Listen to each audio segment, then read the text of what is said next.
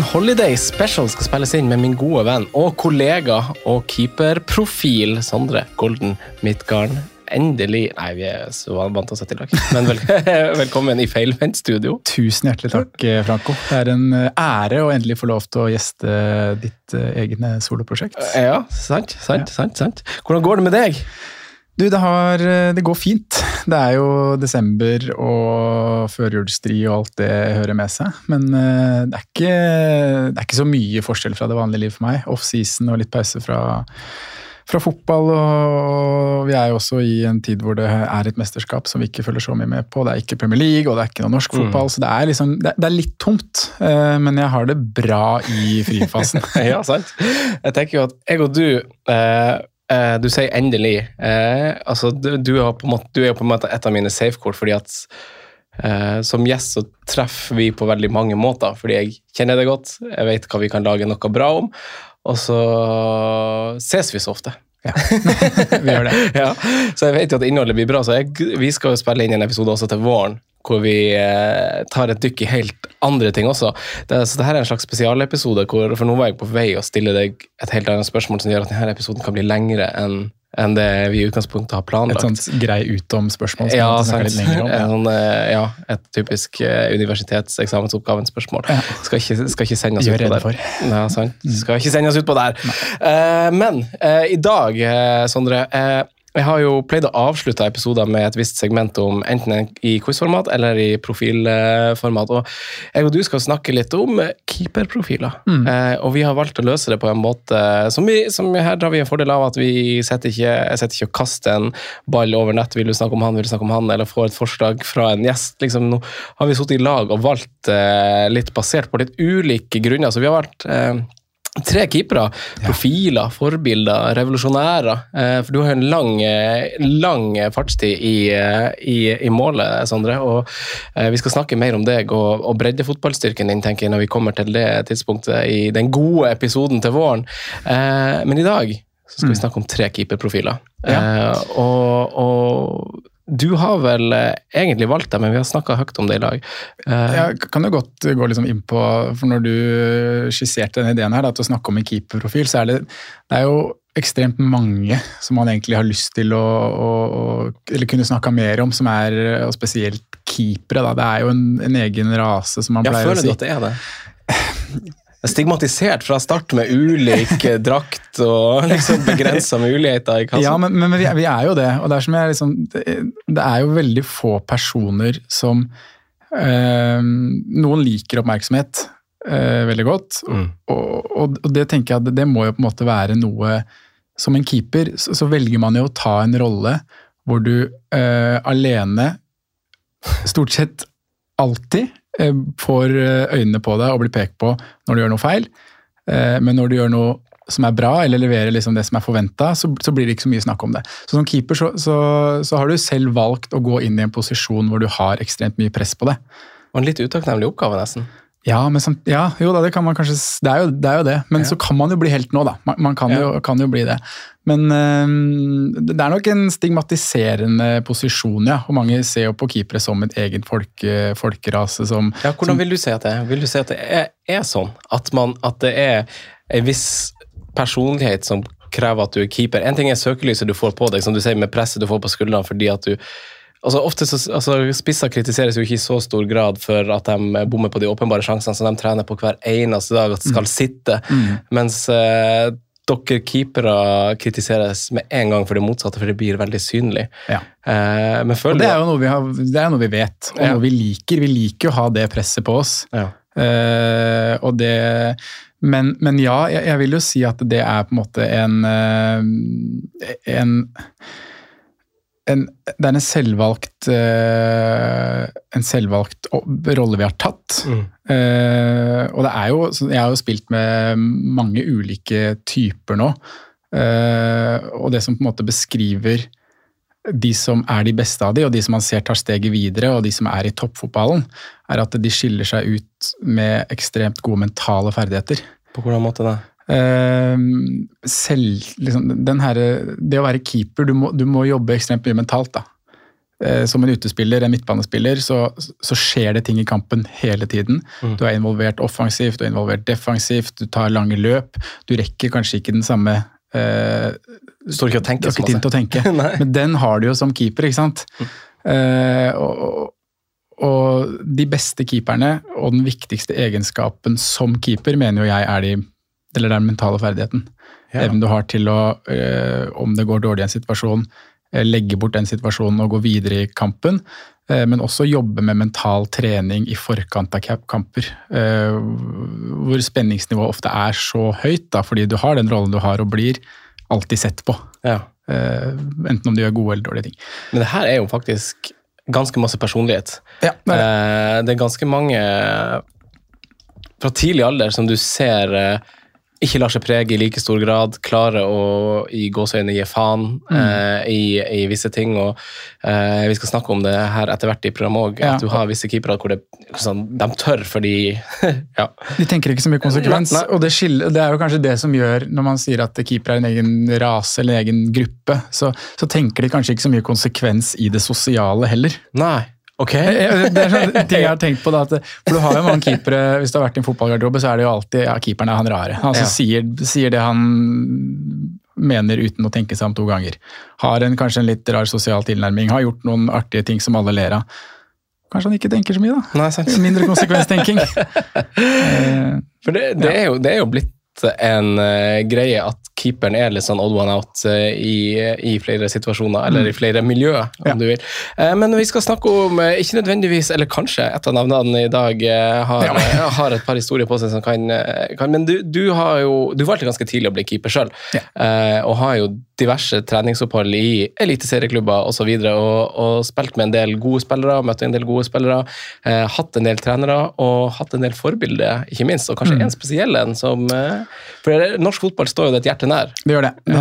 og Det er der det på en måte starta. hvor eh, Det gjør det jo for mange i Norge. selvfølgelig. Man begynner å følge laget som er i området, eller eliteserielag i, i området rundt der man bor. Eh, og jeg var der før jeg begynte å følge engelsk fotball og Premier League, selv om jeg også følger det eh, vel så tett nå. da.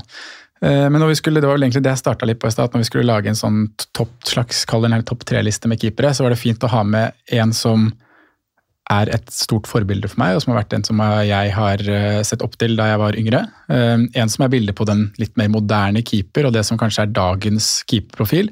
Og også en som dekker det som er stereotypen keeper. Så det er jo de tre vi har med i dag. Eh, og det er jo førstemann ut, som du sier, en som, som, har vært et forbilde for meg. Og da, da, skal vi jo til min favorittklubb, og der jeg på en måte starta å se eliteseriefotball, som er Skien og Odd. Mm. Eh, og når jeg var 10-11 eh, år, så ble jeg tatt med på Jeg var meldt på Tines, eller Odds fotballskole. Ja. Eh, ikke Tines fotballskole. Var det før Tine kom i bildet? og... Jeg lurer på om kanskje Tine var etablert. Ja, men det var i hvert fall en, ja, det var i hvert fall en uke i, i Skien da, hvor man blei um, trent av Odd-spillere og daglige økter og sånne ting. Og da, før den uka, søndagen før den uka skulle starte, så fikk jeg da dra på Odd-kamp. Uh, Odd Stabæk 3-0. Målskårere Anders Rambekk, Espen Hoff, Edvin van Ankeren husker det veldig godt en dag i dag.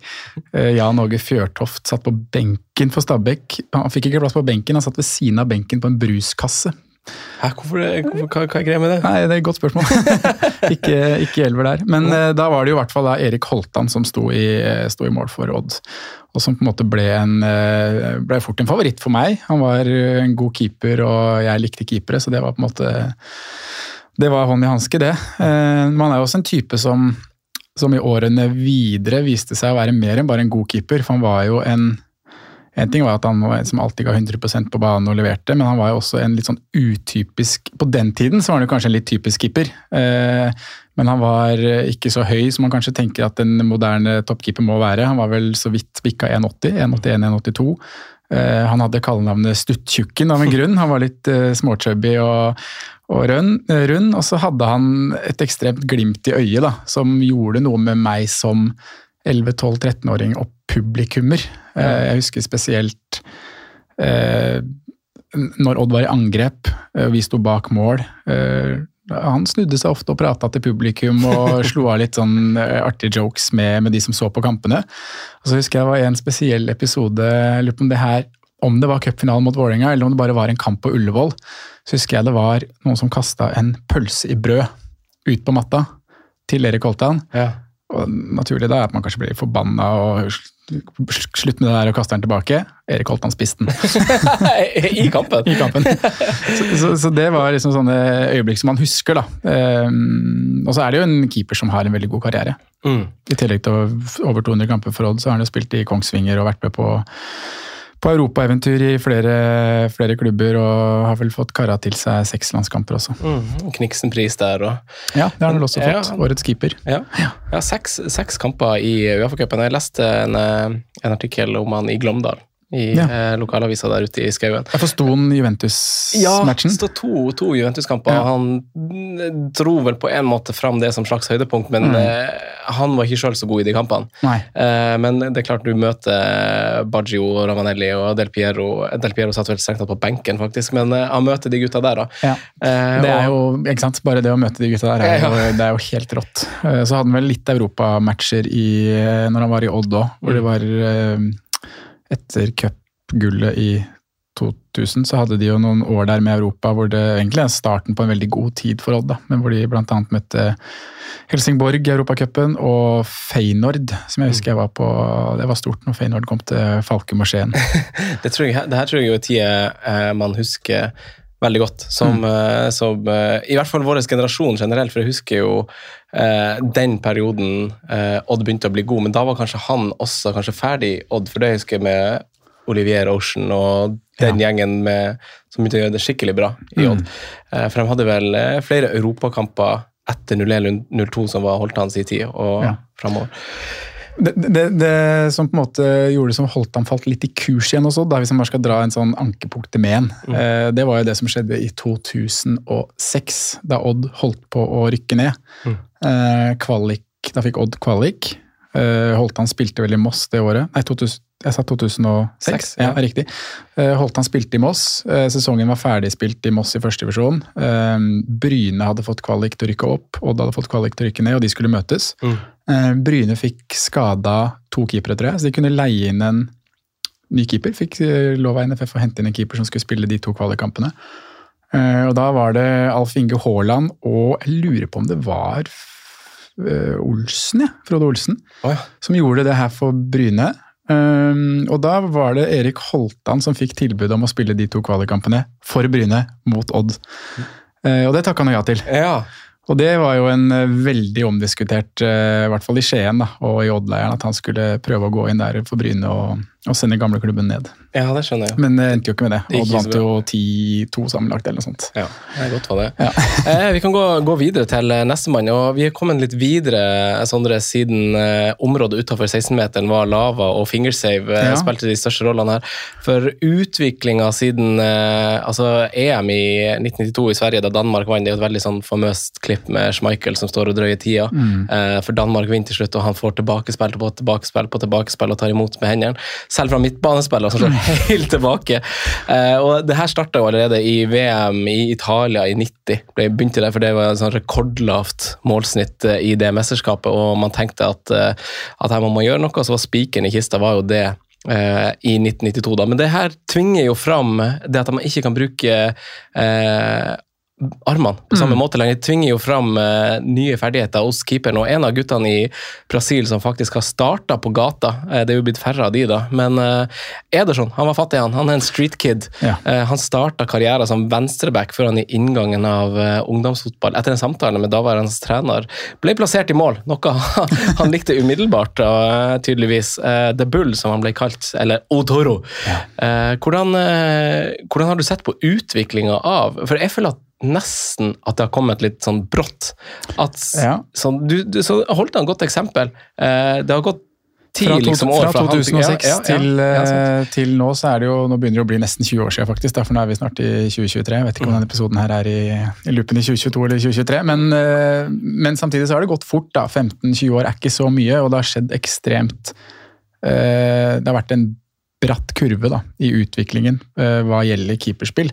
Og Det er jo derfor Ederson er på den lista her. på en måte, fordi han er, han er et bilde på hvordan en moderne keeper er, og det på det ekstreme. For du har jo mange keepere som er blitt ekstremt gode med, med ballen i beina. Eh, lista er ekstremt lang, og det var mange som var før Ederson også, men han er jo Han gjør det jo med en kvalitet og med en sånn selvsikkerhet, og det ser ikke, det ser ikke noe rotete ut i det hele tatt. For det er keepere som er gode med beina, men som kan se litt keitete ut. Ja. Uh, måten de på en måte, de siste stegene inn mot ball, uh, kroppsstilling, alt det der kan se liksom litt du ser at det her er Ja da, han kan det, han er veldig god på det, men det ser bare litt annerledes ut enn hva en sentral midtbanespiller gjør. Men Ederson, du ser nesten ikke forskjell. Han har jo en helt enorm eh, kroppsbeherskelse og, og, evne til å både se og levere god frispilling. Eh, og han er jo det ekstreme bildet på en moderne keeper. Man har også det som uh, dagens unge keepere. Hvis det liksom Jeg har lyst til å bli keeper. Uh, hvorfor har du lyst til å bli keeper? Hvem er forbildet ditt? Jo, Ederson. Jeg har lyst ja. til å strø pasninger som Ederson. Jeg, jeg ser liksom på de, Nå jobber jeg litt med unge keepere som er i alderen ja, hvordan hvordan er det? Ja, ja, ja, hvordan, hvordan, eh, hvordan, er unge keepere? Nei, de, de, har jo blitt uh, Jeg kan bare sammenligne med meg selv. da når jeg var ung keeper for, uh, for 10-15 år siden, så var det ikke samme fokuset på å spille pasninger. Men hvis du går inn i en junior, eller gutte-junior-økt i dag, gutte-junior keepertreningsøkt og snakker med de om hva de ønsker å utvikle, hvordan de ønsker å bli som spillertyper, så er alle fast bestemt på at jeg har lyst til å bli en keepertype som skal frispille bakfra. Jeg har lyst til å kunne eh, kombinere med stoppere, tre opp indreløpere som er rettvendt. Eh, kombinasjonsspill med dyp, slå langpasninger ut på bekken. Alt det der er liksom ting de virkelig, virkelig ønsker. da. Eh, og man ser også at det er på de stort sett aller beste lagene i verden nå, så må man ha keepertyper som mestrer det. Mm. Fordi eh, både de beste lagene internasjonalt, men også de beste lagene i Norge, ønsker å spille en fotball som er på den måten. Men det er jo et ganske stort uh, Du er inne på det i tidlige episoden, antar jeg. For det er jo et ganske stort ferdighetsspekter som spiller inn på eh, om man skal bli god på det. Og mm. personlighet, mm. som du nevner kanskje tidligere, kanskje er en av de, men også det der eh, risiko ja. Risiko, evne, blikk, liksom den, den sammen Det er ganske komplekst, det å liksom skal kunne se muligheten mm. eh, under en så pressa situasjon som du kanskje er, og ikke minst med risikoen at du er gjerne bakerste mann. Mm. Eh, hvor, eh, det er litt personlighet, føler jeg nesten. Eller ja. er vi tilbake på mental trening? Man er tilbake på mental trening, og, men jeg, risikoanalysen er jo veldig viktig. Da, som du sier. Det å hele tiden kunne vurdere risikoen. og at det er jo, Jeg er jo veldig opptatt av når jeg snakker med de keeperne jeg jobber med, at det er alltid de som skal ta valget. Men det å, å lese klima og vite hva som er riktig å gjøre i den og den situasjonen, det krever jo mye trening. Og ofte mye mm, eller prat om ja. situasjoner. Uh, så ja.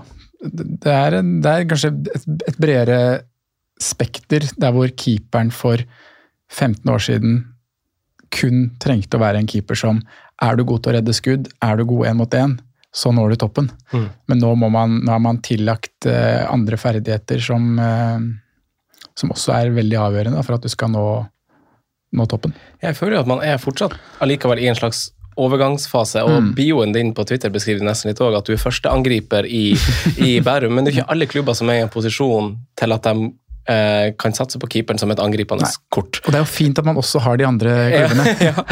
Men eh, hvordan, altså, hvordan, tror du det ville ha vært eh, eh Vi snakka om det før vi gikk på lufta, og, og plasserte en keeper som Ederson mm. i eh, et lag som er mer utsatt motsatt vei, da, og mm. som ikke åpenbart spiller på at angrep er det beste forsvaret, bare at han blir den ellevte mann i angrep, men at altså, De Hea som sammenligning, som har vært en av de beste keeperne og stabile keeperne over en mm. lang rekke i, i, Premier League, men eh, han har jo ikke de samme egenskapene på noe som helst måte, men det snakkes jo bare positivt om han allikevel. Ja. Hvordan tror du det ville vært å satt Ederson i eh, United-målet, f.eks.? Godt spørsmål. uh, nå vil jo, Da må man liksom snakke litt om hvordan United ønsker oss fremst og spillestil og den type ting. Nå tar de kanskje en retning som er enda mer mot den type fotballen som Manchester City spiller, mm. med, med Ten Hag. Så, så, i den måten så tror jeg det kunne bidratt positivt. Fordi uh, det er vel ikke alltid at uh, Martinez eller Varan, når de spiller ballen tilbake til Digea, så er det vel ikke alltid de føler seg 100% trygge på at han har uh, roen og ferdighetene til å uh, finne det neste leddet som er planlagt. Og det vet man jo at Ederson har. Men igjen, så for å være så ekstrem som Ederson er med beina, så har man jo på en måte tapt noe et annet sted. Ja. Og Digea versus Ederson som skuddstopper, så ville man jo i hvert fall skuddstopper inn i boksen én mot én-situasjoner, så ville man jo tatt og Digea. Jeg føler jo at man Så man, man taper på noe ja. der og vinner noe der, hvis du skjønner? Ja, for jeg føler at man vet jo ikke helt hva man går glipp av. Nei. Altså, jeg kan bare snakke, Hvis jeg skal bruke meg sjøl som eksempel, i lavere divisjoner i Norge, så har jeg spilt litt overalt på fotballbanen. Og jeg husker et par kamper hvor jeg har blitt plassert som spiller anker. Mm. Eh, noe jeg egentlig jeg skal ikke si ikke trives, men det går helt fint. Og så føler man kanskje at man gjør en god kamp, for man gjør lite feil. Eh, men samtidig, når du ikke gjør litt feil, så vet du allikevel ikke hva du kunne gjort bedre hver gang. Ja, Selv om jeg har høy treffprosent på pasninger, mm. så overser jeg kanskje noen muligheter som, som jeg kunne ha grepet. da. Jeg mm. kunne, Kanskje jeg kunne ha gjort en spillvending, kanskje kunne ha spilt noen igjennom istedenfor å spille i støtte, eller bare vri. At jeg går glipp av en mulighet. Mm. Og det er litt det samme føler jeg på keeperplass med han Dehea igjen. da, sånn, Du vet ikke helt, fordi tilsynelatende så gjør han alt riktig men enn hvis, på en måte. Mm. Ja. Så, Absolutt. Men uh, den siste spilleren på lista er jo en litt, uh, litt uh, mildt sagt interessant type. Her har ikke jeg gjort noe uh, forhåndsresearch, Sondre, for jeg syns bare historien du introduserte han med, var god nok til å liksom bare sånn Han må jo bare være sistemann på lista. ja, og han er jo ikke en keeper som Jeg tror ikke det er mange som hører på den podkasten her som har hørt om, hørt om denne keeperen før. Men som jeg sa innledningsvis her, så er han jo med på lista for å vi skal dekke det som på en måte er stereotypen keeper. Eh, og da er jo kanskje det første ordet jeg tenker på, er kokos.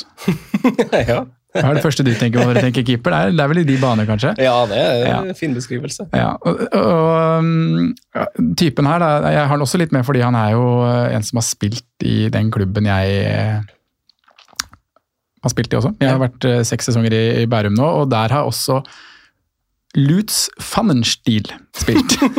Hvem er han Lutz Pfannenstiel? Han Lutz Pfannenstiel, Franco, eh, det er en keeper fra Tyskland. Eh, nå er han godt opp i 40-åra. Eh, men han er kjent for å være den eneste profesjonelle fotballspilleren som har spilt i alle seks kontinentene.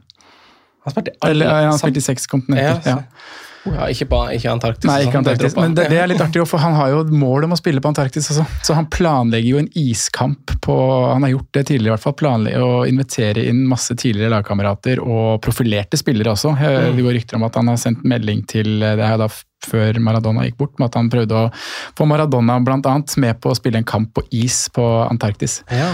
Men øh, han har vært i Europa, starta karrieren i Europa i Tyskland. Øh, fikk Eh, var en god keeper, så han hadde, han hadde mulighet til å spille profesjonell fotball i Tyskland, men så ikke for seg at det her kommer til å bli spilletid. Så istedenfor å takke ja til kontrakt i Bayern München når de, når de banka på døra, så valgte han å ta turen til Asia, og Malaysia tror jeg det var, første destinasjon. Hvorfor gjorde han det? Altså bare... Godt spørsmål. Ja. Godt spørsmål. Men, årsaker vi ikke vet. Nei, årsaker jeg ikke vet, i hvert fall. Ja. Eh, men det var jo da på en måte starten på en, på en reise. Da. For, I etterkant av det så har han vært i, i ja, Tyskland, Malaysia er to land. Han har spilt i England, New Zealand, Singapore. Han har spilt i USA, Sør-Afrika, Finland, Canada, Armenia, Albania, Norge. Eh, og i 2010 så sjekka han av liksom sitt sjette kontinent ved å gå til Brasil og spille ja. fotball profesjonelt i, i, Brasil. så det er mange land, og det er over 24 forskjellige klubber og seks kontinenter. 24 forskjellige Da må han skifte Hva, hva er det lengste oppholdet han hadde i en klubb, da? Da må lengste han Da må han ha skifta klubb hele tida. Ja, han har vært øh, han, han, var jo to år da i moderklubben sin, Batz Kötzning i, i, Tyskland. To år. Ja, og så var han én sesong i Penang. Det lurer jeg på om det er Malaysia. Eh, og i 94 så var han jo 94-95 eh, så var han uh, først i Wimbledon, en del av The Crazy Gang i, i Wimbledon ja. i 1994, før han gikk til Nottingham Forest i 1995. Og så er det, det er klubbbytte hvert år her. altså I 95 så har han vært innom fire, nei, tre forskjellige klubber. Hvorfor tror du han havna i klubbbytte? da? Altså Tror du for at det er en veldig sånn rar personlighet som er litt sånn ugress, eller at han sjøl er bare av typen som har egentlig noen bokstaver tilknyttet en diagnose som gjør at sånn, her, må, her må jeg flytte på meg, nå dags? Ja, kan nok hende det er en god, god kombinasjon men, men, sånn som jeg har forstått Lutz, da, og jeg har jo bare forstått han ved å lese meg opp og, og, prate med folk som har vært nære han. For som sagt har han jo vært i Bærum. Han var i Bærum i 2003, eh, og så vendte han vel tilbake til Bærum i 2007, om jeg ikke tar helt feil. Eh, men de som var i klubben da, som fortsatt er der, da, de, de beskriver han jo som du sier, en ganske eh, spesiell type, om ja. man kan si det sånn. Han hadde noen ritualer som var sånn Og han har også noen historier på seg som er ekstremt, eh, ekstremt merkelig. Eh, hvis vi tar noen ritualer som han hadde i Bærum, som, som jeg har fått fortalt, var at han i øh, Han måtte ha ny drakt til hver kamp. Han kunne, ikke, kunne ikke spille med samme kamp. Uh, og det her var jo litt seint i karrieren hans, mm. så han hadde jo opparbeida seg noen sponsoravtaler og sånne ting underveis. Så, så, i forkant av hver match i Bærum så fikk han tilsendt nye drakter fra Adidas. Så han kunne spille med ny, ny drakt i hver eneste match. Uh, unikt på nivå to og tre ja. i, i, Norge. Uh, ikke veld, veldig miljøbevisst uh, type, nei. nei. han måtte også dusje, han varma opp, mm. og så dusja han. Og så spilte han kamp. Så han dusja mellom oppvarming og match. Her kødder du? Ja, det er også ganske weird. Det er veldig rart. Ja. Er det av liksom med utstyret og inn i dusjen og gjøre seg klar. Ja, for Han dropper jo da åpenbart liksom sportstape og ja. leggskinn. Ja. I tillegg til å være en sånn spesiell type, så har han jo noen historier på seg som også er ganske artige. Har, det var vel året før han kom til Bærum, så spilte han i Singapore. Eh, der satt han tre måneder i fengsel. Eh, sikta for kampfiksing. Ja, fra han den typen. Ja, ja. Så, så, det klarte han å komme seg ut av da, etter et par runder med løgndetektor der. og Betalte sikkert noen summer, går det rykte på også, men han kom seg unna den dommen. Så han signerte jo ny kontrakt året etter og ble liksom reinvaska for kampfiksing. Ehm, det skrives også at han har vært klinisk død i en matchsituasjon etter en kollisjon. Han har sånn hjertestopp og sånn? Ja, eh, så, men det har jeg ikke fått bekrefta, annet enn at jeg har lest det på nettet. Da. Det ja. kunne ikke kildene mine i, i Bærum. Eh, Lops. Nei. Men Var det i Norge? Bekrefte. Nei, det var, I, det var i, jeg lurer på om det var i England. Ja. Ja. Um, ja altså det, det, er noen sånne ting, i tillegg til at det har vært uh, ja, jobba som DJ mens han har spilt, hatt to apekatter som kjæledyr, tatt for å stjele noen pingviner. Ja, sånn type Det skulle vært flua på veggen i den karrieren hans, faktisk. Ja. Men den stereotype keeper.